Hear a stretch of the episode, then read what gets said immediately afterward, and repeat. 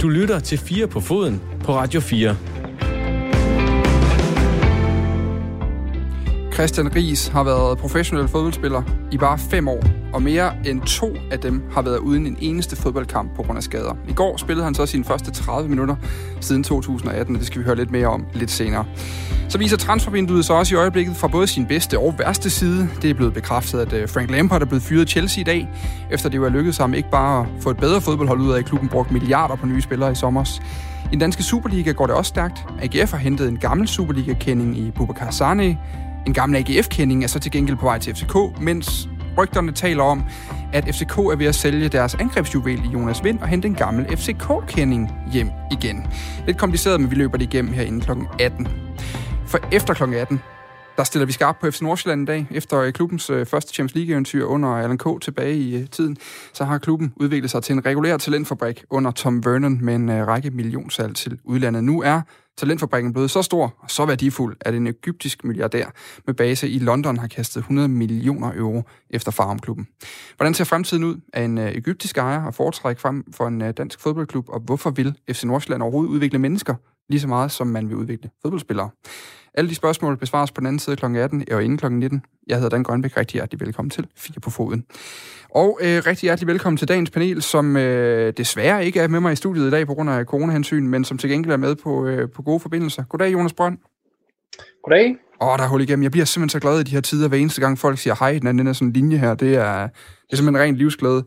Jonas Brønd, han er sportsredaktør på Jysk Vestkysten, øh, med fra hjemmekontoret, og fra, øh, det er vel også et hjemmekontor, du er med fra, Jakob Poulsen? det er i hvert fald det bedste, jeg kan støve op som hjemmekontor hjemme, så det er, det er soveværelset. Men øh, ja, mange Kom Du, du sidder, skorstræk ligger behageligt. Det gør jeg. Det gør jeg lige dynen over benene, ikke? Også, så man ikke lige bliver kold. Så, ja, så jeg er helt klar. Du er også ved at være oppe i den alder, der hvor man skal passe på de der ting, jo. Ja, det er rigtigt. Man får lynhurtigt en snue, ikke? Også, så, ja. og man får lige, tror jo med det samme, det er corona i de her tider. Så. Ja, det er det. Jakob Poulsen er, hvis man ikke lige kan sætte øh, navn på øh, stemmen, så er han altså tidligere øh, midtbanespiller, kriger i Superligaen, og øh, også kommende fodboldtræner, når han engang får lov til at komme på trænerkursus på grund af de her corona-tider. Øh, de her, vi skal simpelthen øh, starte med at kigge lidt øh, på transfervinduet, fordi lige nu så er det jo øh, sæson for øh, forhandlerne i fodboldverdenen, og det er jo det, nogen synes er det aller sjoveste ved fodbold, og vi andre, vi glæder os til at overstået til, at der er, er kampe på den anden side igen.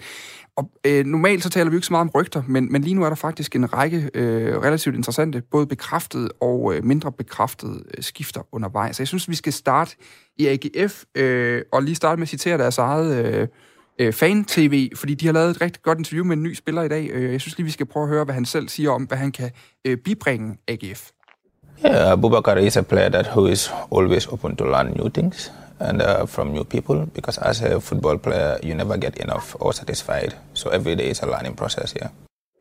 Øh, en mand, der taler om sig selv i tredje person, øh, Bubakar Sane her, som han, hvor han siger, Bubakar is always uh, able to learn new things, klar til at lære nyt og, og gå ind på et nyt hold. Jakob, du har jo spillet sammen med Bubakar Sane i FC Midtjylland. Det er korrekt. Han er jo midterforsvar. Øh, vi husker ham som et uh, fyrtårn på de offensive dødbolde, hvor det ofte var dig, der sparkede den ind i kassen på ham. Hvordan, øh, hvad er han for en spiller øh, efterhånden? Jamen efterhånden, det ved jeg jo i princippet ikke jo. altså, fordi jeg har jo ikke set ham spille så meget, siden han forlod, øh, forlod Midtjylland for, hvad er det, halvandet år siden. Øh, men øh, det kan faktisk godt være, det er to og et halvt år siden. Men det er også lige meget. Øh, men der var han jo et fysisk monster. Altså, ikke bare med, at han var fysisk stærk i duellerne, men det er også klart den hårdeste person bare at røre ved. Du kan ikke trykke noget sted på hans krop, uden han bare var ligesom at trykke ind i en, i en betonvæg. Det er jo helt sindssygt. Jeg har aldrig, jeg har aldrig oplevet noget lignende. Men ellers på banen er han jo bare ja, klasse, og vi havde jo stor, stor gavn af ham, på, specielt på de, både de offensive og de defensive standarder, jo, som du selv nævnte. Så øh, det bliver spændende at se, om han kan finde det samme niveau frem, fordi hvis han kan det, så er han jo en, altså, så en kæmpe profil, i, som AGF får hjem til, til midterforsvaret.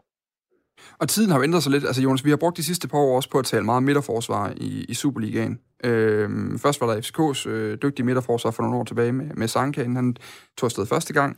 Så havde vi øh, lige pludselig FC Midtjylland, som havde en Svirchenko-Scholz-kombination. Før det uh, Svirchenko øh, Scholz Kieran Hansen kombination, der også fungerede rigtig godt.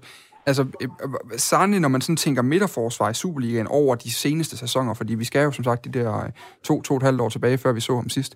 Altså, hvor rangerer han i forhold til dem, vi ellers øh, snakker om som de, som de bedste, vi lige kan huske?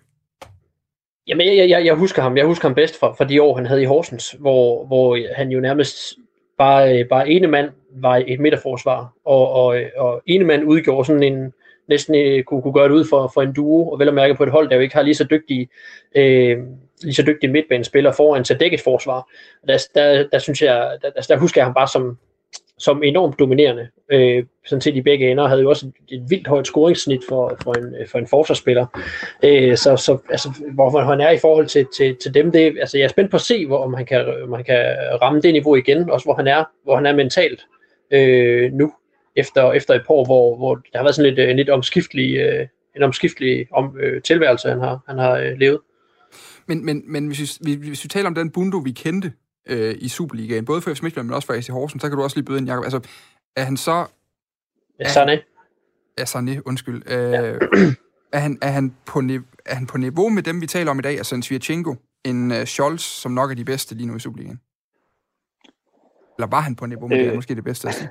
Altså, hans, øh, hans duelspil er helt klart på niveau med dem, synes jeg. Øh, uden tvivl. Øh, og det, der også var, som gjorde ham ekstra god i, i Horsens, det var jo lige det der med, at det var ham, som ligesom skulle redde kastanjerne ud af ilden, hver eneste gang det brændte på. Og der er han stærk, fordi han havde en rigtig fin fart, og så var han rigtig, rigtig dygtig i duellerne, og, og det, det formåede han at gøre helt fantastisk der. Altså man kan sige, rent taktisk, øh, der ved jeg ikke, der tror jeg måske, jeg synes ikke helt, han er på samme niveau som, som de andre, vi nævner, hvad det angår. Men man kan sige, det er jo, det er jo heller ikke altid det, at man skal kunne kunne. Altså nogle gange så er det nok bare at være, være duelstærk, og det er han i hvert fald øh, helt klart i toppen af Superligaen. Vi taler så også om en spiller, der har været i Anderlecht, har været på øh, forskellige udlejre, øh, for, og ikke på noget tidspunkt rigtig har fået det til at køre, efter han skiftede derned for, for omkring 60 millioner for, for, for et par år tilbage. Han er 26 og kommer tilbage nu. Altså, hvor lang vej er der tilbage, når man ikke har spillet, øh, i hvert fald ikke har haft tur i den som fodboldspiller i, i så lang en periode, Jacob? Ja, det kommer an på, hvordan man har holdt sig, holdt sig klar. Altså, jeg var jo selv ude i en situation, hvor der i hvert fald gik øh, et år, uden jeg spillede kampe. Øh, og det, for mig var det ikke noget problem, fordi jeg blev matchet hårdt til træning, og jeg vidste selv, at hvis jeg skulle holde gang i karrieren, jamen, så er det vigtigt, at jeg ligesom blev ved med det. Og jeg tror egentlig også, at Bubakar, han er, han er enormt seriøs omkring tingene, så jeg tænker, at rent fysisk skal han nok være der, og så er der selvfølgelig noget med timing og sådan noget, som kun kommer via, via kamp. Men, øh, men jeg tænker ikke, at man behøver, at der skal gå lang tid, før han er tilbage på, øh, tilbage på niveau. Det handler selvfølgelig om, at han får lov til at, at spille, for ellers så, øh, så kommer man det ikke jo. Jonas, når han, altså det her med spillere, der kommer tilbage fra de her øh, mislykkede udlandsophold, altså det har vi jo set nogle gange både gå øh, godt, men også øh, gå øh, skidt. Øh, man kan vel godt nævne nogle eksempler, som for eksempel en, en Kasper Kusk, der kommer tilbage fra et øh, udenlandsophold, og vel ikke rigtig har fundet det topniveau igen, efter han kom hjem. En øh, Nikolaj Thomsen kan vel også godt øh, bringes i den kategori.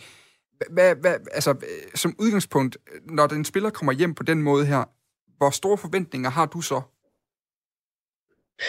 Jeg har store forventninger til, til, til ham, og det, det tror jeg også, de har i AGF. Det er jo meningen, han skal løfte det der, øh, eller i hvert fald gå ind og, og, og, og gøre det ud for, øh, for, for en, en dygtig forsvarsspiller, der, der, der er blevet skadet, så han skal jo fylde et hul der. Altså når, der kom, når, der, når dygtige spillere kommer tilbage, så synes jeg, det er dels er det, dels er det glædeligt øh, som udgangspunkt, at, at spillere, der har vist sig flot frem i Superligaen før, de kommer tilbage og forhåbentlig kan give noget til ligaen igen. På den anden side øh, kan det også være sådan lidt, øh, lidt, lidt, lidt ærgerligt, øh, fordi det, det, der ligger lidt det i det, at, at, øh, at de nok havde forventet at slå, øh, at slå igennem et, et andet sted, ikke? og at det er sådan lidt et, at det godt kan ligne sådan lidt en, en form for, for nederlag, at det ikke rigtig lykkedes i, øh, i udlandet og, og, og ramme det, man havde forventet. Jamen selvfølgelig er det et nederlag, at man ikke lykkes i udlandet. Men som fodboldspiller, der er bare så mange, der ikke lykkes. Så hvis du hænger der for meget af de der ting, at der handler det bare om at komme videre. Så må man sige, okay, det her det fungerer ikke. Og så må du hellere gøre det tidligt nok og sige, det fungerer ikke. Fint nok. Jeg finder, jeg finder et andet sted at være, for ligesom at få kickstartet det hele. Fordi nogle gange så kan man også presse den for langt til, at sådan, så går der alt, alt for lang tid, før man ligesom kommer i gang med at, at bidrage og spille igen. Det bliver... Ja, det var man sige, som ham har jo også forsøgt det et par steder nu øh, i, i udlandet, i forskellige, i forskellige lande, så det, det, det kan godt være det rigtige, det er at søge tilbage til et sted, hvor han, hvor han havde succes, og hvor han øh, fandt noget, en, en, øh, nok noget, noget, noget tryghed, der, der gjorde, at han kunne præstere. Jamen, altså, han har jo fra, fra Anderlecht øh, været udlejet et, et par gange. Først til øh, Giuseppe i, øh, i, øh, i Tyrkiet, og så mener jeg, det var Ostende, han også har været, øh, været i. Nu, nu skal han jo sådan levere. Hvor stor en profil kan han så blive for AGF? Fordi det er jo omvendt også et... et altså, det er jo Bachmann, der er skadet det jo igen, og derfor har man brug for en. Altså, får man reelt set en ind, som er den bedste midterforsvar, de har i truppen? Eller, eller er AGF i en position også, hvor han skal... Øh, selvfølgelig skal han spille sig på holdet, det skal alle, der kommer til en klub. Men, men er han selvskreven der? Jeg synes, at han har vist, at det er ham, der har det højeste niveau. Der er mm. ikke nogen af de andre, de har på nuværende tidspunkt, som har vist samme høje niveau, som Bubakar han har gjort. Men det er selvfølgelig også et stykke tid siden, han har vist det, så jeg er sådan lidt spændt på, om, om han egentlig kommer tilbage og går ind i startopstillingen, fordi Hausner og Tinger har også gjort det fantastisk godt, specielt når de har spillet sammen. Så har der været virkelig, virkelig god styr på det dernede. Så, øh, så jeg er spændt på at se, hvad de, hvad de kommer til at gøre, for det vil også være ærgerligt at sætte en ung, et ungt stort talent som Havsner på bænken, fordi, at, øh, ja, fordi Bubakar kommer. Vi øh, fortsætter lige med lidt AGF, men skifter lige øh, navn. Det er nærmest samme, øh, samme situation. En spiller, der er skiftet til Anderlecht for rigtig mange penge, og som ikke rigtig har slået igennem, men som så tager hjem noget tidligere igen. Det er Mustafa Bundu, det skal handle om. Øh, den her øh, AGF-spiller, som jo skiftede til Anderlecht i sommer, men, men altså opholdet i, øh, i Bruxelles er på ingen måde gået øh, særlig godt. Han har ikke fået scoret dernede, og nu vil de så gerne udleje ham, for han kan få nogle minutter i øh, benene igen. Det BT, de melder i dag, at øh, at, at Bundu altså er tæt på Superligaen. Der bliver talt meget om, øh, om FCK, som efter sine skulle være utrolig tæt på at kunne øh, præsentere ham som, øh, som ny spiller i, i truppen der. Er, øh, altså det var, det var, hvad jeg mener, det var over 20 millioner, han blev solgt for i sommer øh, til, til Anderlecht, øh, og så er det kun et halvt år efter at, at ryge tilbage. Er det så er det i samme situation? Altså, hvor skidt er det på en eller anden måde i forhold til Jakob Poulsen? Jamen igen, som jeg siger, hvis nu han har både fået indikationer fra klubben omkring, at ved du, du kommer ikke til at spille, jamen så er det helt rigtigt. Så få lavet en udlejning. Og så ved man ikke, hvad der sker i, andre læg til sommer. Der kan være skiftet ud på trænerposten, der kan være skiftet ud mange andre steder. Det kan være, at de sælger et par, et par, et par kantspillere. Øh, så det synes jeg, det er det helt rigtigt. Kom ud og, og få noget spilletid. Det, er, det vil da være tosset andet, hvis man overhovedet ikke har udsigt til noget som helst. Hvor dygtig en spiller er Bundo? Altså, der har været talt... FCK, de har jo i lang tid jagtet den her kantspiller. Altså, der var talt om Jakob Brun Larsen, øh, man har øh, en Victor Fischer, der ikke rigtig er kommet i gang. Øh, på noget tidspunkt Pep Biel er blevet rykket ind på den centrale midtbane. Altså, er Bundo manden, der kan løse den opgave, som du, øh, som du ser det, Jonas? Jeg kan se, du sidder og nikker, når jeg, når jeg nævner øh, de her navne her. Ja, altså, øh, øh, jeg synes, jeg synes jo, at han, at han øh, lige præcis nåede i Superligaen at blive en, at blive en profil. Øh, han, han, er jo, han er jo øh, temmelig, temmelig ung stadigvæk, ikke? Øh, og også sådan lidt, øh, synes han var lidt, lidt usleben indtil, måske indtil sådan til, til den sidste sæson, eller den sidste halve sæson, inden han, inden han blev solgt. Øh, men, men altså igen, ligesom med, ligesom med Bubakar Soner, det er jo spændende at se, hvor han, hvor han er henne af øh, fysisk, hvilken form han, han kommer i øh, efter, efter det seneste halve år. Øhm, men men hvis, han, øh, hvis, han kommer, hvis han kommer op øh, formmæssigt øh, på det, han var på, og, og, og, og falder rimelig hurtigt ind, og det skal han jo også, man skal jo helst slå til rimelig hurtigt, når det er en halvårs lejeaftale, så tror jeg, så tror jeg da sagtens, at han kan blive en, en profil i det her forår. Jakob Poulsen, hvad, hvad, ser du ham også passe ind? Øh, ja, han passer da bestemt ind i Superligaen, men jeg tvivler mere på, om han passer ind i FCK. Fordi for mig at se, der er Bunde, han, det der han var aller, aller bedst til, og der var han var bedst for AGF, det var jo som, som kontraspiller eller omstillingsspiller, og der var han jo helt vanvittig, når han havde noget bagrum, fordi han har så en stor fart. Mm. Og specielt hans, øh, han kommer også frem til en masse indlæg og, og kunne løbe dybt, så, øh, så jeg er ikke sikker på, at det, at det er lige den type, men som du selv siger før, det er jo også en ung spiller, og en ung spiller, han lærer også hele tiden, og ud, kan udvikle sig rigtig, rigtig hurtigt, og, og det er da helt klart en af de ting, set fra min stol, det er jo, at han, det er det, han skal lægge på. Han skal blive bedre til at spille mod, mod organiseret hold, øh, som står måske lidt, øh, lidt dybere, og det tænker jeg, det kunne FCK godt komme til at gøre en del gange i det her forår.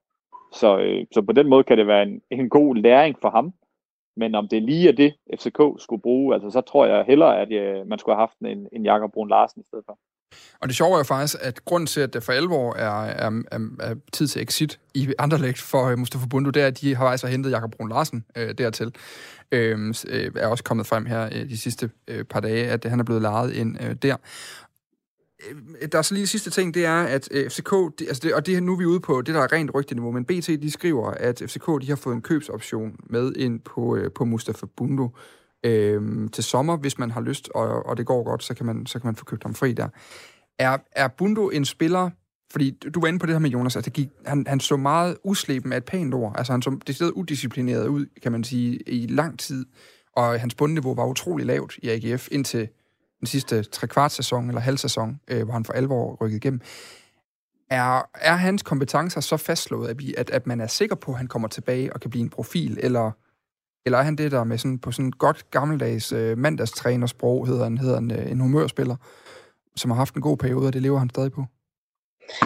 Ja, det, det, ja, det er jo svært at svare på. Det vil jo vise sig, og hvad, hvad han, øh, hvilket niveau han, øh, han kommer hjem til Superligaen, øh, han kommer hjem til Superligaen på. Øh, altså det, det, er, det, er, det bliver spændende at se, hvor meget det sure, der følger med det søde i, i foråret nu. Øh, men, men, øh, men altså, jeg kan godt forstå ideen i, at de vil have, en, at de vil have den her, den her option, option med, men jeg, jeg kan også sagtens se en situation, hvor, øh, hvor der, der er lidt for meget af det her øh, udisciplineret, udisciplineret øh, hvad kan man sige, attitude over ham, at nu, øh, nu kommer han hjem og ovenikøbet til en, til en større klub og til, til, til hovedstaden, og der er masser af ansvar, han skal, han skal løfte. Det bliver spændende at se, hvordan han reagerer på det. Hvad tænker du? Og så må man også, ja, jeg tænker helt klart, at selvfølgelig skal de have en købsoption med. Det vil være tåbeligt andet, hvis man kan få det. Altså, det er jo ikke sådan, de står til, at de skal indløse den jo.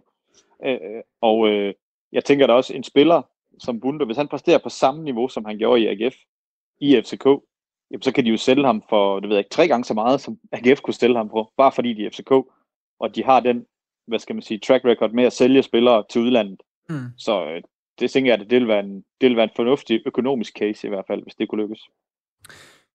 Så skifter vi fokus til FCK, for apropos at sælge spillere til udlandet, så er der kommet et ret vildt rygte fra, øh, det startede i britiske medier, i øh, Daily Telegraph derovre, en uh, gut, der hedder Mike McGrath, som skriver sådan en, uh, en transfer notebook, kalder de det. Han, han nævnte i, lige pludselig i dag, at uh, David Morris, som jo er træner i West Ham, har lige nu, han, de har jo for nylig solgt deres, deres franske flop, Sebastian Allaire, til Ajax.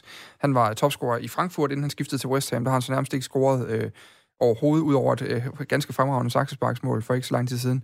Øh, man kan gå ind og finde på YouTube også. Men øh, nu er han så øh, på jagt efter Jonas Vind, som afløser far lærer, der er blevet solgt her i januar transfervinduet også. Det er jo sådan lidt øh, virkeliggørelsen, at det mange i Danmark har gået og snakket om i et par sæsoner efter, ville Vind være sådan en spiller, der faktisk kunne slå igennem i Premier League som angriber, øh, og, og ligesom åbne den, den, den flanke. Og nu øh, er der øh, så, så konkret snak om det, og det kommer altså fra England. Det er ikke noget, der er startet i Danmark, øh, men flere danske medier har så citeret det øh, efterfølgende. Øh, Jonas Vind i West Ham.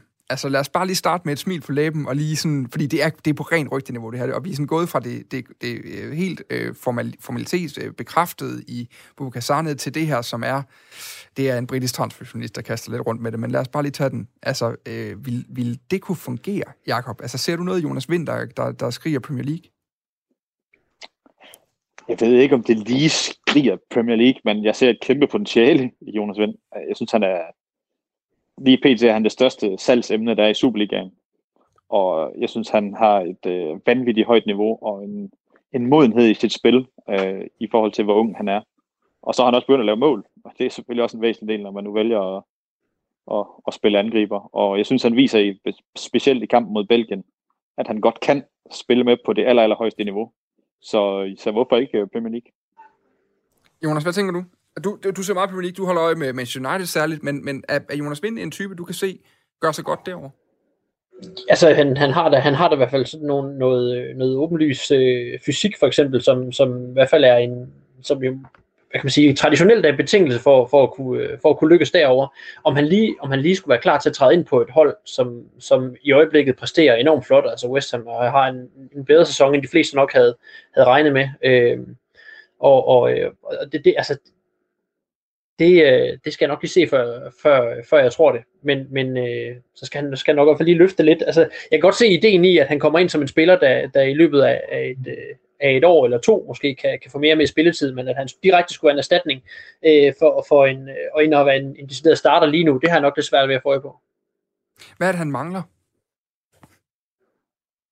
Øh, hvad han mangler? Jamen altså, øh, det, det er måske bare bevise det, han kan over, over, lidt, øh, over lidt længere tid, og så hvis man, hvis man kommer ind som spiller, som ung spiller i, i, i Premier League, så vil det jo også være en helt klar, en helt klar tilvænding, han skulle, han skulle igennem, fordi fordi niveauet er, er så meget højere i, øh, i, øh, i Premier League.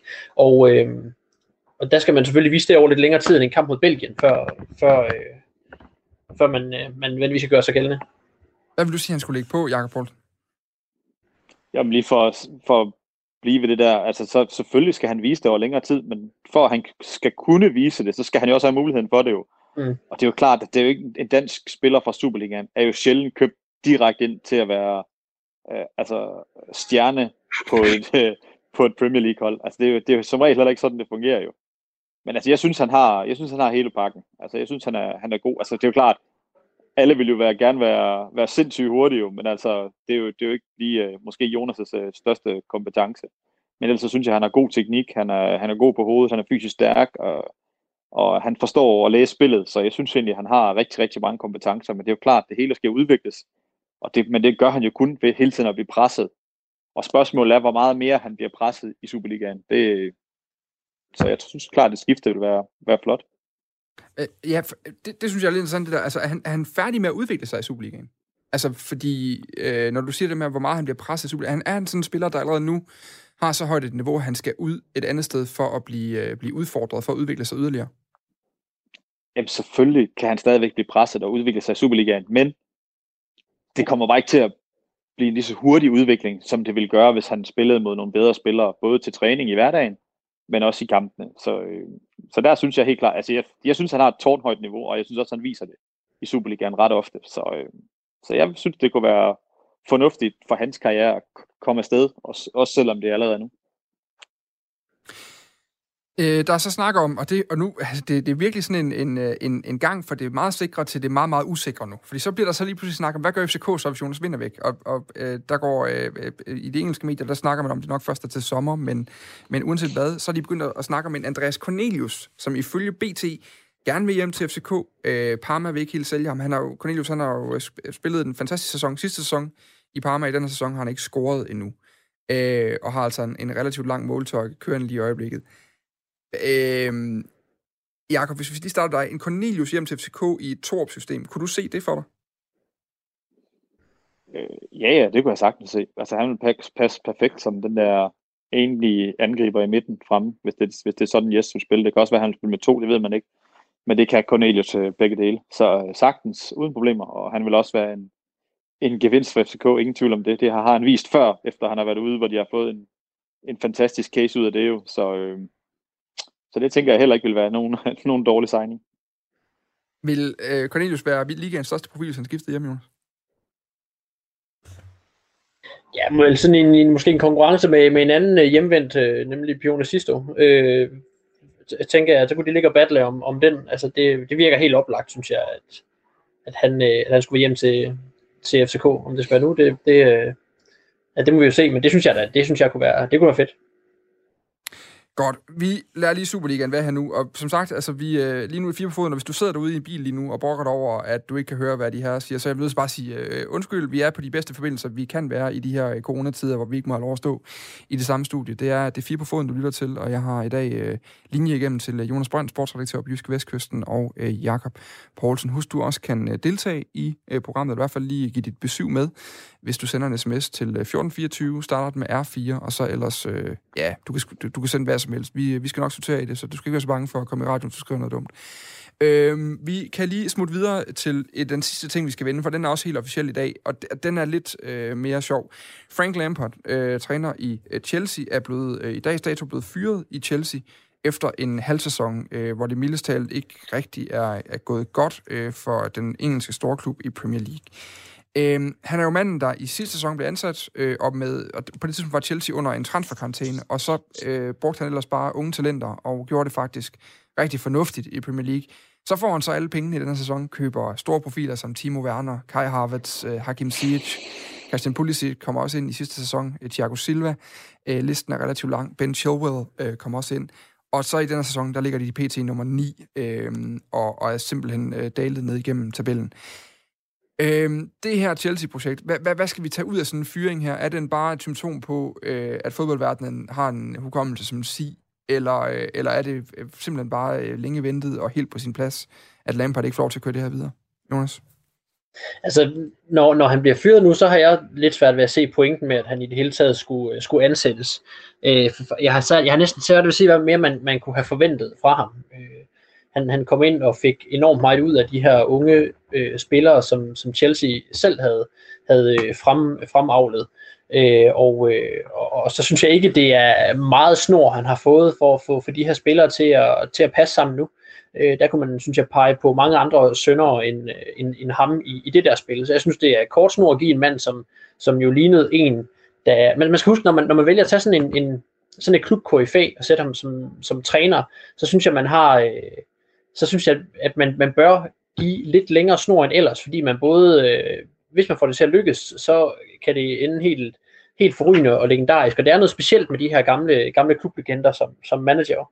Så det, det ærger mig en lille smule, at, at øh, han ikke fik længere snor, men, men på den anden side kommer det heller ikke bag på mig, fordi, fordi Abramovic jo ikke er sådan er kendt for at have super stor tålmodighed med de ting, der, der, der skal foregå i, i Chelsea. Så det kommer ikke bag på mig, særligt ikke, når der nu er, er nogle, øh, er nogle øh, lysende øh, navne, øh, som, øh, som Tuchel for eksempel, der, der er fri på markedet, så, så, øh, så vil det da ligne Abramovic øh, godt at, at prøve at slå klon i dem.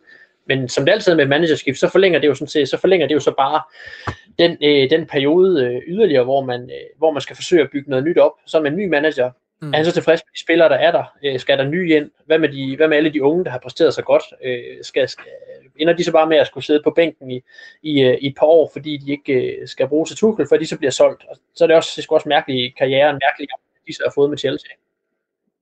Jakob, har de haft tålmodighed nok? Fordi det er jo det, Jonas ligesom også har op for her. Altså, han, han, i sidste sæson blev han jo der var selvfølgelig også kritiske røster undervejs, men, men han får en fjerdeplads med et hold, hvor han ikke rigtig har kunne handle ind til det, og, og man så faktisk flere øh, af, af Chelseas egne talenter, øh, i en Mason Mount, i en øh, Reece James, i en Tammy Abraham, gør det rigtig godt øh, på det her første hold, hvilket jo også er noget, der ligesom bidrager til, til fans øh, øh, op, altså, oplevelse af det fodboldhold, der spiller. Altså, har han fået for kort snor? Ja, det synes jeg. Det synes jeg, altså, det, det, jeg synes, det virker lidt som et klassisk eksempel på en, på en fodboldklub uden uh, den helt store plan. Altså, man kan sige, de ansætter ham, da han er relativt grøn. Han har ikke været, hvad var han i Derby inden, hvor han ikke var, jeg ved ikke hvor mange, lang tid han var der, men det var ikke forfærdeligt lang tid. Og, og kæmpe, kæmpe KFA i klubben. Så jeg synes, det er, jeg synes, det er en mærkelig beslutning og en, og en overreaktion på en, på en dårlig periode. Og jeg er helt enig i, at det har ikke set fornuftigt ud. Men hvis man kan også se det lidt på en anden måde, kan man sige, at hvis Tim, Timo Werner han har været lige så effektiv, som han var i Leipzig, så har de ligget fire pladser som minimum højere jo. Altså, mm. Så, øh, så der er, det er bare så små ting, og, og det er ikke altid, at de der ledelser, det bliver nogle gange arbejdet en lille smule mere med, med følelserne, end, øh, end godt er, og det tror jeg lidt, det er det, vi er ude i her jo. Det er også mange spillere, der skulle til at passe sammen øh, på, på én gang på et hold, øh, når man køber ind så stort, som, som, som Chelsea har gjort der. Øh, og, og så skulle have dem til at passe ind på en, på en enhed, der har, der, der, har, der er kommet til at fungere af mere af, af, af tvang end af lyst, men som rent faktisk er kommet til at, at fungere. Ja, fordi øh, altså, øh, det er jo netop det, man laver en, en kæmpe stor udskiftning i sommers. Og så, altså øh, ikke en udskiftning på den måde, men man henter i hvert fald mange af de her profiler, man synes, man har savnet at kunne købe over de sidste par sæsoner. Og havde det været en hver anden træner, så havde vi måske siddet og diskuteret det jo netop, hvis, hvis kæmpe indkøb som Kai Harvards, der blev købt for et eksorbitant millionbeløb. Timo Werner var knap så dyr, men dog en lige så stor profil en, en kæmpe profil som Thiago Silva kommer ind, har også en, en stor løn, og sammen jo, som det jo altid er, når man køber britiske fodboldspillere og er en britisk klub, så koster de også altid alt for meget, som den her øh, venstreback øh, Ben Chilwell gjorde. Altså, er, er, er det nok til at knække efter et halvt år? Fordi er, er, vi bare, er vi også lidt ekstra positivt stemt over for Frank Lampard, fordi han er det klubikon? Glemmer vi det simpelthen at kigge på, at han er bare ikke en særlig god træner? Altså, det ved jeg ikke, om han er. Det skal jeg være ærlig, og, ærlig indrømme. Øh, og jeg skal også være, sige, at jeg ikke jeg har ikke set så mange af deres kampe, at jeg kan sige, om det er helt håbløst, og han slet ikke har fået det til at fungere eller ej. Men jeg synes jo først og fremmest, at det virker underligt, at man leverer en fjerdeplads i Premier League med egen afledede spillere, og har spillet rigtig, rigtig fornuftigt over en hel sæson, og så, så går man ud og køber stort set et helt nyt hold. Øh, der er stort set, altså det er stort set samtlige pladser, som der er blevet, blevet kørt ind til, hvor der skulle nogle nye spillere ind, og øh, det, jeg tror også både, det kan, det kan jo både være med til at knække selvtilliden på dem, der nu egentlig har præsteret ganske fornuftigt. Nogle unge gutter, og så tænker de bare, så går de bare ud og køber nogen, og så ved man jo også godt, at de skal spille. Og, så jeg synes, det er, ja, igen, forkert ledelse. Altså, jeg synes, at man skulle have købt lidt færre ind, og så måske ja, sørget for at få, få dem ind på holdet sammen med de eksisterende, og så, øh, og så bygget det langsomt op, i stedet for at man troede, at bare ved en sommer, et sommertransfervindue, så kunne man købe, øh, købe sig til de der to eller tre pladser, man gerne vil højere op på, mm. ja, på placeringerne. Vi øh, lader den gode Frank Lampard ligge for nu. Øh, der går som sagt rygter om, at Thomas Tuchel er blevet, øh, er blevet kontaktet. Han er jo netop blevet fyret i PSG for ikke så lang tid siden. Øh, det var faktisk det var juleaftens dag, at de var så flinke og øh, øh pænt informere ham om, at han ikke længere skulle være træner der. Øh, og øh, så er der også eller nu en masse, der joker med på de sociale medier, at øh, John Terry, en anden tidligere klubikon, er blevet øh, set i træningsdragt på Stamford Bridge, og det kunne jo simpelthen være en ganske enkelt smuk øh, gentagelse af historien, hvis man gik, øh, gik den vej. Ikke desto mindre, så er det altså, øh, det var lige det, vi valgte at bringe fra transfervinduet, transferkarusellen i den her omgang. Der skal nok komme lidt mere i løbet af, af, af de udgaver, vi har. Fiberfoden. næste uge skal vi nok kigge nærmere på det, fordi der har vi også ligesom det hele bekræftet, øh, inden vi går i Adon, fordi transfervinduet jo stopper her øh, 1. Øh, februar. Nu øh, skal vi lige øh, skifte fokus en lille smule. Du lytter til 4 på foden på Radio 4. Fordi øh, i 2016, der så det hele faktisk rigtig lovende ud. Øh, Christian Ries, som vi skal tale med, han var en af øh, ni unge spillere fra FC Midtjyllands talentfulde årgang 97, der var blevet trukket op på førsteholdet efter at have vundet U19-ligaen flere år i træk, øh, domineret i øh, ungdomsrækkerne osv. Første sæson bød på flere Superliga-kampe, og øh, året efter fortsatte Ries øh, sin øh, dominans i første division hos øh, Vendsyssel FF. Fremtiden tegnede lys og et øh, legemål i Esbjerg efterfølgende skulle øh, ligesom modne Ries yderligere til at træde ind på FC Midtjyllands hold. Men inden han overhovedet kom i gang, så røg det ene knæ, og siden august 2018, der har Christian Ries ikke sat fod på en fodboldbane. Indtil i går, hvor den øh, nu 23-årige midterforsvar fik øh, godt og vel en halv time i FC Midtjyllands øh, testkamp øh, mod OB. Pænt goddag, Christian. Pænt goddag. Hvordan har øh, kroppen og særligt knæet det i dag, øh, efter øh, minutterne på banen i går? Jo, det er, det er en speciel følelse. Øh, kroppen øh, og specielt hovedet har det rigtig, rigtig godt. Øh, og knæet det overlevede rigtig fint, så jo, jo tak. Alt fint her. Hvor meget tænkte du på det i går? øh, inden kampen og, og i kampen. Øh, jeg så på billederne, du løb rundt med øh, det ene knæ nærmest tapet op i, øh, i sort tape. Ja, det er korrekt. Øh, tapen er, er egentlig bare for, for at støtte ned. Øhm, men i selve kampen, der tænkte jeg slet ikke over det. Øh, op til var jeg meget spændt og nervøs, både på, på knæs reaktion, men, men især øh, den der kampfølelse, den der, ja, man er spændt op til en kamp, den, øh, det var, det var en speciel følelse, og en rigtig, rigtig dejlig følelse, jeg, jeg har savnet rigtig meget. Så, så alt i alt øh, har jeg det rigtig, rigtig godt. Som, altså jeg så, der var en Twitter-bruger, der havde talt op og havde skrevet, at det var 840 dage siden, du sidst havde spillet en fodboldkamp, da du gik øh, på, på banen i, i går. Øh, jeg, har, jeg har ikke helt faktisk tjekket ta- øh, tallet på, på dageniveau, men jeg tænker, øh, i hovedregningen må det passe ret, øh, ret godt. Hvis vi prøver at kigge på det, dengang var det en, det var en, en knæskade, en, øh, en, en, noget smerte, der blev til, til et længere proces på grund af infektioner og, og alt muligt andet. Hvordan, øh, hvordan tænkte du dengang, du blev skadet, hvis vi starter der? Altså, hvad var, øh, hvad, hvad var status for Christian Ries på det tidspunkt? Hvad var ambitionerne, og hvor var du hen i din karriere på det tidspunkt?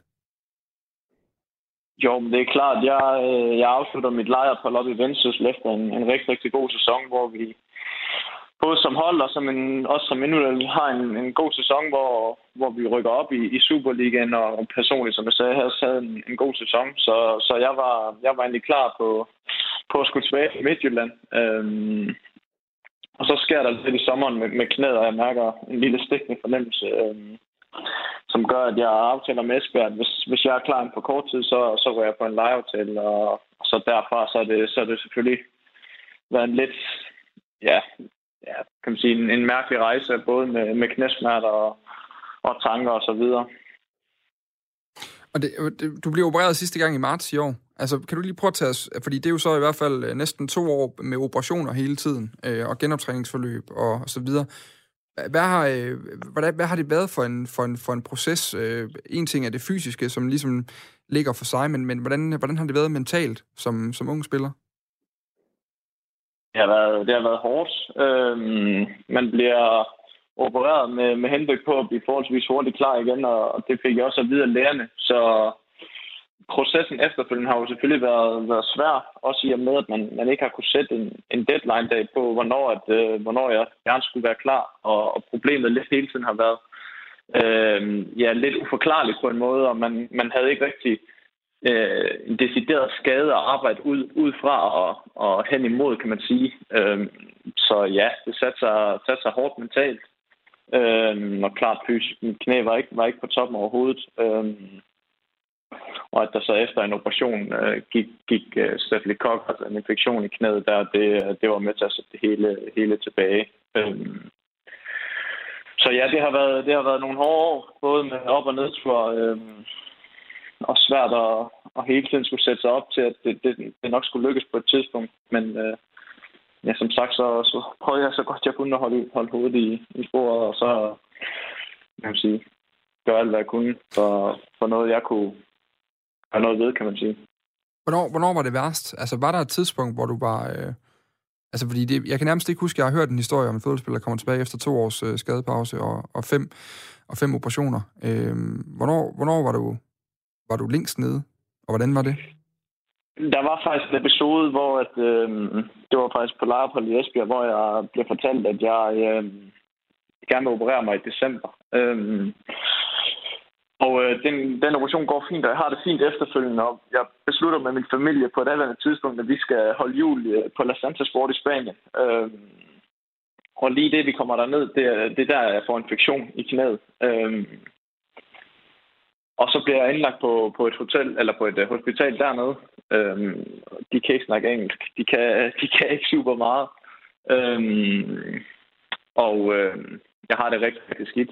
Jeg blev opereret og får snakket med klublægen, og det skulle være en hasteoperation og så videre i, i Spanien på det tidspunkt. Og øh, må også selv udskrive mig fra hotellet for at komme hjem til Danmark og så videre. Og på det tidspunkt, der, øh, det var nok der, jeg havde det aller værst, øh, hvor jeg tænkte, her er det virkelig det her værd? Øh, og skulle alt det her igennem, både med infektioner og med dårlige knæ, og, og lige så meget også en fremtid, altså knæ og, og så videre. Jakob Poulsen, jeg kan se, at du øh, sidder med fingrene op. Du har jo spillet sammen med, eller i hvert fald været på, på samme baner som Christian i Midtjylland. Det har jeg. Hej, hej Ries. Tillykke med comebacket. Det var, sgu, det var fedt at se. Øhm, hej Bolle, og jeg, jo tak.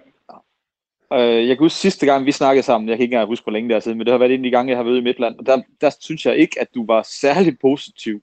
Der var det næsten noget nær, at du tænkte, at det, det er slut nu, så må jeg have, så må jeg finde på noget andet. Men hvad, øh, hvad har ændret sig? Hvad, hvad har været udslagsgivende for, at du faktisk er kommet tilbage? Fordi jeg skal da være lidt, jeg havde, øh, jeg havde lidt afskrevet dig, fordi at det var da en voldsom omgang, du havde været igennem. Ja, det er korrekt. Altså, øh, jeg husker godt, du var derude, og vi snakkede om, hvad, hvad skal der ske? Og jeg var, var jo stadig lidt omkring det. Det, det var lidt en, en uforklarlig skade, og lægerne kunne ikke helt sætte, altså sætte det helt rigtige ord på, hvad, hvad problemet var.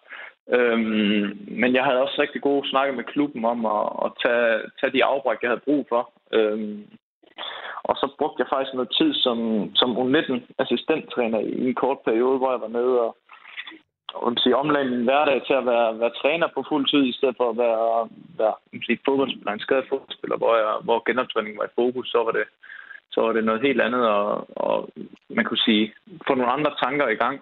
Øhm, samtidig med på, på en vis omfang, at jeg passer min genoptræning. Øhm, og det hjalp mig faktisk rigtig, rigtig meget. Både det at se øh, andre unge egentlig skulle, skulle op igennem systemet, det samme jeg havde været igennem, øhm, få den der glæde tilbage, øh, glæden ved at, at være fodboldspiller, øh, og kunne se det i dem. Øh, man sige, for egentlig at huske mig på, hvad er det egentlig, at jeg, jeg både har været igennem som fodboldspiller, og så øh, hvad det er for et liv, øh, man lever, og det at spille fodbold og træne, øh, og sammenhold, man har i, i, en, i en trup. Øh, det var faktisk øh, meget udslagsgivende i at møde, at jeg, derfor at jeg, jeg kunne holde motivationen i den givende periode der. Du, du, du nævner det her med, at du simpelthen har gået ind og været, været ungdomstræner i, i FC Midtjylland. Altså, øh, hvordan undervejs, fordi det, det er jo der, hvor man vil sige, men det, men det er netop at miste fokus i genoptræning og så videre. Altså, men var det egentlig givetigt for dig ikke, og, og hvordan var det givetigt for dig ikke faktisk at følge det der fuldtids genoptræningsschedule?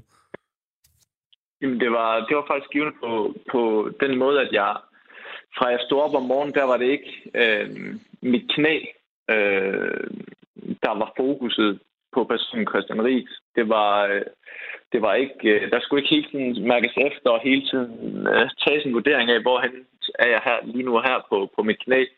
Øh, men derimod, om jeg, hvordan jeg kunne hjælpe de andre unge, hvordan øh, træningen skulle være, hvordan kampen skulle være osv. Det var lige pludselig nogle helt andre øh, kan man sige, ting i, i hverdagen, der gjorde udslag for, om, om jeg havde en god eller en dårlig dag. Øh, og det, det var faktisk med til at både at give mig flere gode dage end dårlige dage omkring, omkring øh, ja, mig selv. Mm. Øhm, og det med at holde humøret højt.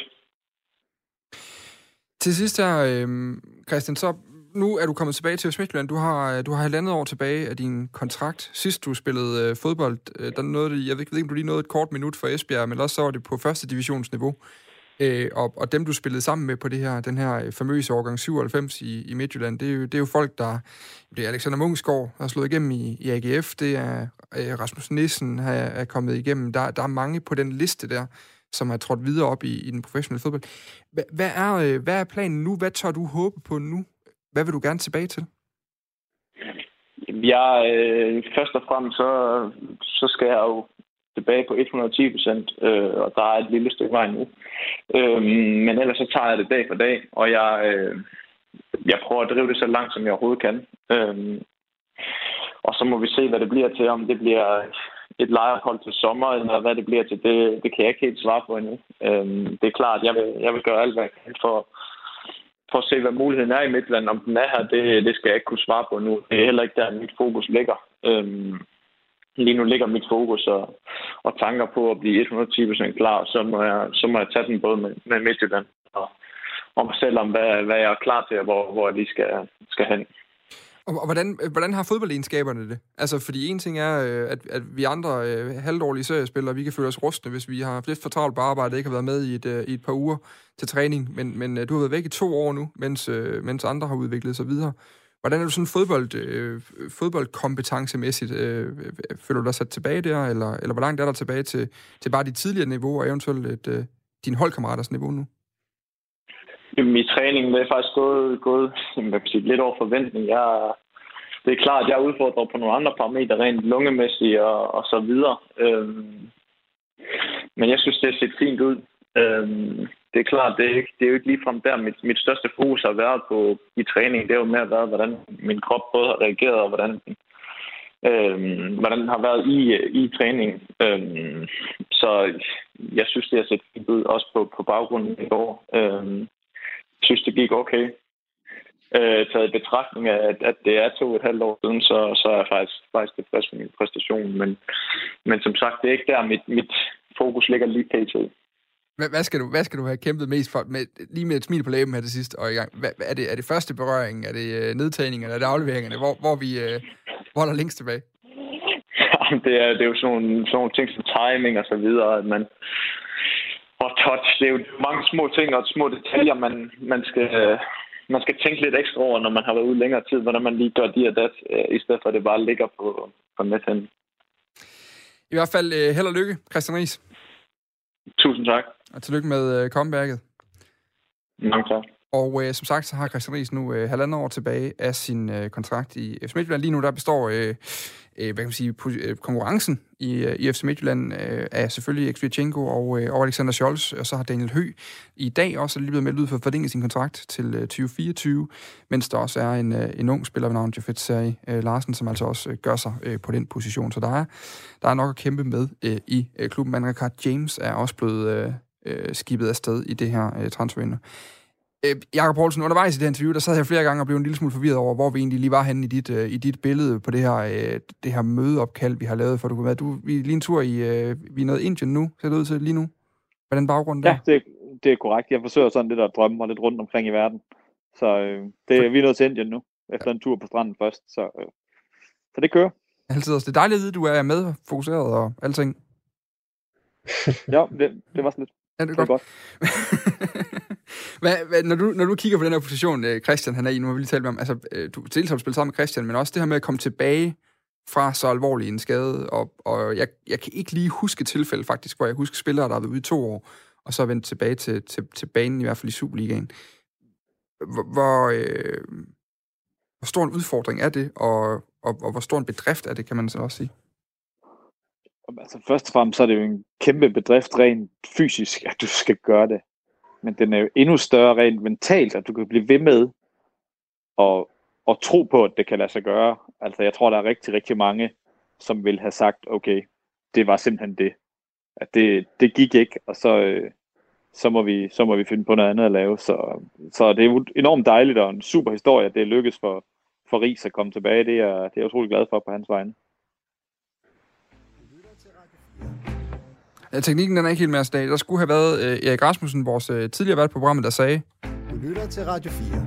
Så tror jeg, den var der. Øh, så er vi ved at være nogenlunde med på linjen igen, tror jeg. Beklager de små øh, tekniske udfordringer, der er i det her program i dag. Vi øh, håber meget på, at I kan høre med, øh, og så håber vi meget på, at det her coronaværk det øh, forsvinder på et tidspunkt, så vi kan lave almindelig fodboldradio, hvor vi alle sammen står i et studie og kan se hinanden i øjnene, mens vi, øh, mens vi, øh, mens vi snakker sammen. Øh, ikke at det ikke er hyggeligt for øvrigt at være en tur i, i Indien øh, dernede. Jakob, det er ganske, ganske, ganske fornøjeligt, synes jeg. Øh, ja, tilbage i soveværelset. tilbage i soveværelset nu, om det er også det, det vil jeg faktisk ikke. Det vil jeg ikke begynde at sætte forskellige superlativer på. Det bliver noget rod.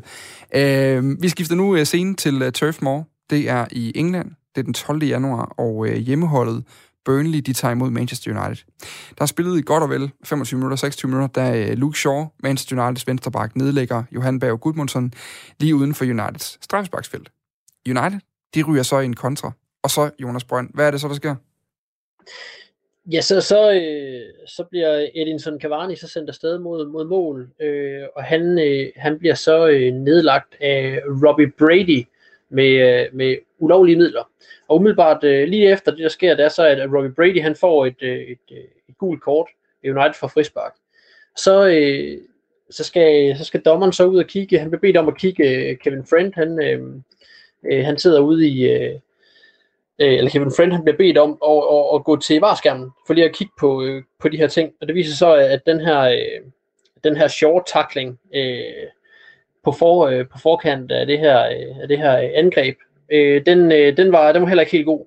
Øh, og, og de her billeder øh, efterfølgende viser jo så, at, at i virkeligheden kunne, kunne, kunne dommeren næsten godt have taxeret begge, begge de her øh, episoder til et rødt kort, fordi øh, Cavani han får frarådet en oplagt scoringsmulighed, men i den anden ende, der øh, har Luke Shaw også lavet en tackling, der var alt for voldsom.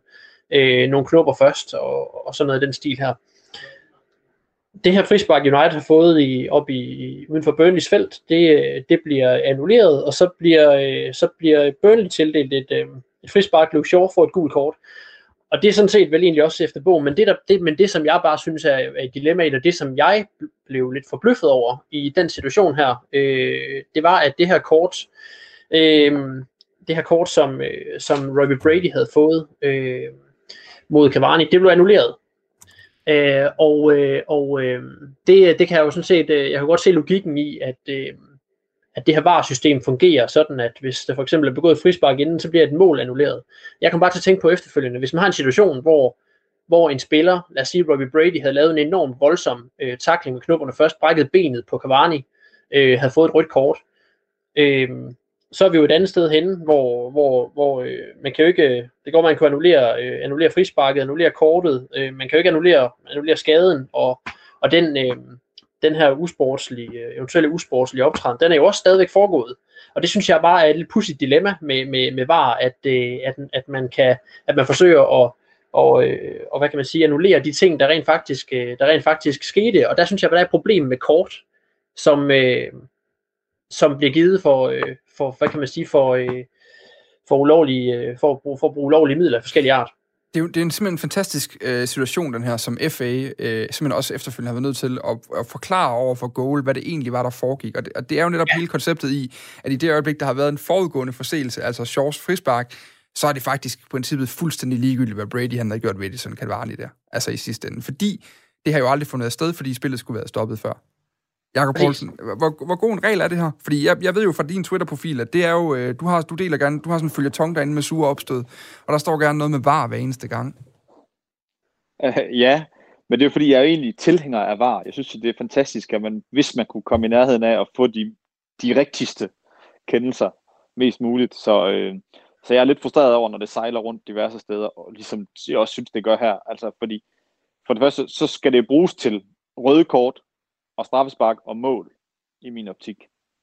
Og så man vælger at fløjte spillet tilbage for at give et gult kort, Jamen, det, kan, det, kan, det giver ikke nogen mening i min verden. Øh, så der synes jeg, at det giver mere mening, at det, det skulle fortsætte efterfølgende. Det er fair nok, de kigger, om der skulle have været et rødt kort, men når der ikke skulle det, jamen så er, det jo, så er den situation ligesom annulleret af var, troede jeg. Mm. Og så er det jo det der med, at hvis der er en, der bliver savet midt over, eller, eller Van Dijk mod, mod Pickford, jamen så selvom der er sket en kendelse inden, så er spillet jo stadigvæk i gang. Altså så ved jeg godt, at teoretisk set, så kalder man spillet tilbage, men hvis der er en, der skal have et rødt kort, så må man jo give et rødt kort. Altså det fritager jo ikke, at, at folk de kan begå et mor, bare fordi, at der måske er lavet en kendelse tidligere i, i episoden. Så, øh. Men ja, det er svært, og det er svært, hvad der er den bedste løsning på det her Mm. var problem, som det jo et eller andet sted er blevet jo. Så, øh, Nu, nu så jeg er jeg også åben for, åben for input, hvis der er nogen, der har nogle rigtig, rigtig gode idéer. Vi kunne også finde på nogen jo. Altså, Jonas Brønd, jeg så godt, du smilede, da han omtalte taklingen på Cavani som, at man kan begå mor. Øh, det tror jeg, man skal være United-fan for at mene, at det der, det var et uh, morforsøg. Nej, nej. Ja. Ikke, ikke at den specifikke var mor, men som- Jonas også siger, Konceptet så det. kunne man jo Ja. ja. teoretisk set have, have slået en mand ihjel, uden at der var sket noget efterfølgende. Men omvendt, så øh, vil ville det heller ikke være første gang, jeg hørte en fodboldfan sige, det skal jo aldrig være dømt. Der var jo frispark til os i den anden ende. Altså det der med, at VAR faktisk giver en mulighed for nu at gå tilbage og sige, jamen, jamen det, ville, det ville jo ikke have været fair, hvis Burnley nu havde fået, jeg mener, at han var sidste mand, Robbie Brady på det her tidspunkt, så det havde potentielt set været en åben målchance og, og et rødt kort til ham, hvis man skulle have dømt den situation helt koldt. Øh, hvor man så siger, men, men Luke Shaw, han savede jo vores spillere ned den anden ende lige før. Det, det, det, den her situation burde jo aldrig have været opstået, fordi hvis reglerne havde virket efter hensigten. Så gør bare ikke bare os alle sammen en tjeneste egentlig, og sætter øh, retfærdigheden der, hvor den bør ske. Min anke går bare på, at, øh, at øh, der ikke er nogen, der, der er bedre stillet ved, at, øh, at, hvad kan man sige, at, at, at grove forseelser ikke bliver, ikke bliver straffet med et kort. Øh, så, så, så kan det godt være, at der sker, der sker alt muligt i den anden ende også, men, men, men øh, jeg synes jo sagtens, man kunne øh, indføre en eller anden, det kan så, der kan der garanteret være, være hændelser, der så, øh, der så umuliggør det her, men, men altså en, en eller anden, jeg kunne godt forestille mig en eller anden, en eller anden lov og regel, hvor hvis man, hvis man begår en forseelse, der er et, der er et kort værd, så er det godt være, at frisparket bliver, bliver, bliver annulleret, men, men du får stadig det her kort, fordi du har stadigvæk lavet en, en, en, en forseelse, potentielt brækket ben på en, øh, på en modspiller. Men de igen var jo ikke til for gule kort. Nej, det er, det, det det, er, er, vigtigt, det er vigtigt, at vi husker det. Og lad os nu sige i den her situation, at det var til et rødt kort, øh, forseelsen mod Cavani. Så er det jo helt fair, at efterfølgende bliver den kaldt tilbage, fordi der har været en forseelse op til det røde kort. Så er det jo fair nok, at man kalder det tilbage. Det er det samme, hvis nu, at, øh, at man ser, at der bliver lavet et frispark ind i et mål. Det er, jo, det er jo okay, at man så kalder den tilbage. Men det der med, når det er to gule kort og sådan noget, så synes jeg ikke, at så, så er der ikke rigtig noget, der, sådan, øh, der, der giver mening i min, øh, i min vareverden. Vi lader, øh, jeg, jeg, jeg sidder en gang og tænker, at det her var, det skal vi diskutere. Det kan blive spændende. Men et eller andet sted, så kan jeg også se på FA's øh, udtalelser bagefter til goal, at øh, det er bare en helt nøgtern forklaring. Det er sådan her, det er, og der er ikke noget øh, tegn på, at man har tænkt sig at ændre noget i den kontekst. Ja. Øh, men lige kort, øh, vi, har lige, vi har to minutter tilbage. Øh, hvordan, nu har vi set VAR i et halvt år i Superligaen. Og noget af det, du blandt andet har, har rykket på nogle gange, inde på, øh, på Twitter, Jakob, det er lige præcis, altså hvad kan man sige, linjen i VAR, og så at man samtidig fjerner de der åndssvage mållinjer, man har brugt til at dømme offsides i VAR, og blandt andet ved nogle af de ting, du har saleret over. Hvad, hvad synes du status er her efter et halvt år? Fordi du var nemlig også fortaler fra start af. Øh, ja, der er, der er plads til forbedringer. kan man ikke sige det sådan? Det godt. Men nej, jeg synes, der er mange, jeg synes, der er mange ting. Man skal finde ud af, hvilken linje man vil lægge. Øh, vil man køre millimeter offside, jamen så skal det bare, så skal det bare formidles, at det er det, vi kører efter. Og det, det er med tegninger og, og stop og diverse ting i de der. Og hvis det er det, vi kører, jamen så er det sådan, vi gør. Men jeg synes bare, det skal være en, en lige linje over, over, ja, over hele Europa, hvis det kan lade sig gøre helst. Jonas, hvad, hvad, hvad ser du? Hvad er status nu? Efterhånden på VAR og din, øh, din mavefornemmelse i forhold til det? Jamen det er jo mig mest over, det er egentlig, da jeg så øh, en eller anden øh, dommerchef fra, jeg tror det var FA, var, var, var ude at tale om det, som egentlig ikke, som egentlig ikke lagde op til, til at der skulle være øh, specielt, specielt mange øh, ændringer, nærmere sådan en, en øh, snakker man sådan en, en eller anden automatisering af nogle, øh, af nogle offside-linjer og, og vinkler. Øh, og, og jeg synes, at, jeg synes at, at der er nogle rigtig fine ting ved, ved VAR, men, men øh, jeg synes, det er et, et problem, hvis, hvis dem, der træffer beslutningerne, ikke kan se, at der også er behov for, nogle, for, nogle, øh, for, for en ret stort eftersyn. Men, øh, men altså, øh, ja, okay. Fordi det er, spørgsmålet er, om det kommer til at ændre sig øh, særlig meget. Det er en diskussion, vi nok... Øh, nej, det er lidt... Ved du, jeg, jeg tror også, jeg, jeg lader det sidste spørgsmål være, og så tror jeg faktisk, at vi tager den på et andet øh, godt tidspunkt, øh, når, øh, når, jeg vil sige, når forbindelserne og coronaen tillader, at vi også kan tage slagsmålet efterfølgende i studiet, øh, så vi holder det øh, inden for væggene. Nu skal vi øh, sige pænt, øh, pænt tak i dag for, øh, for, for jer to. Tak til dig, Jakob Poulsen. Ja, velkommen. Det var hyggeligt. Og tak for dig, Jonas Brønd. På den anden side er jeg tilbage med... Øh,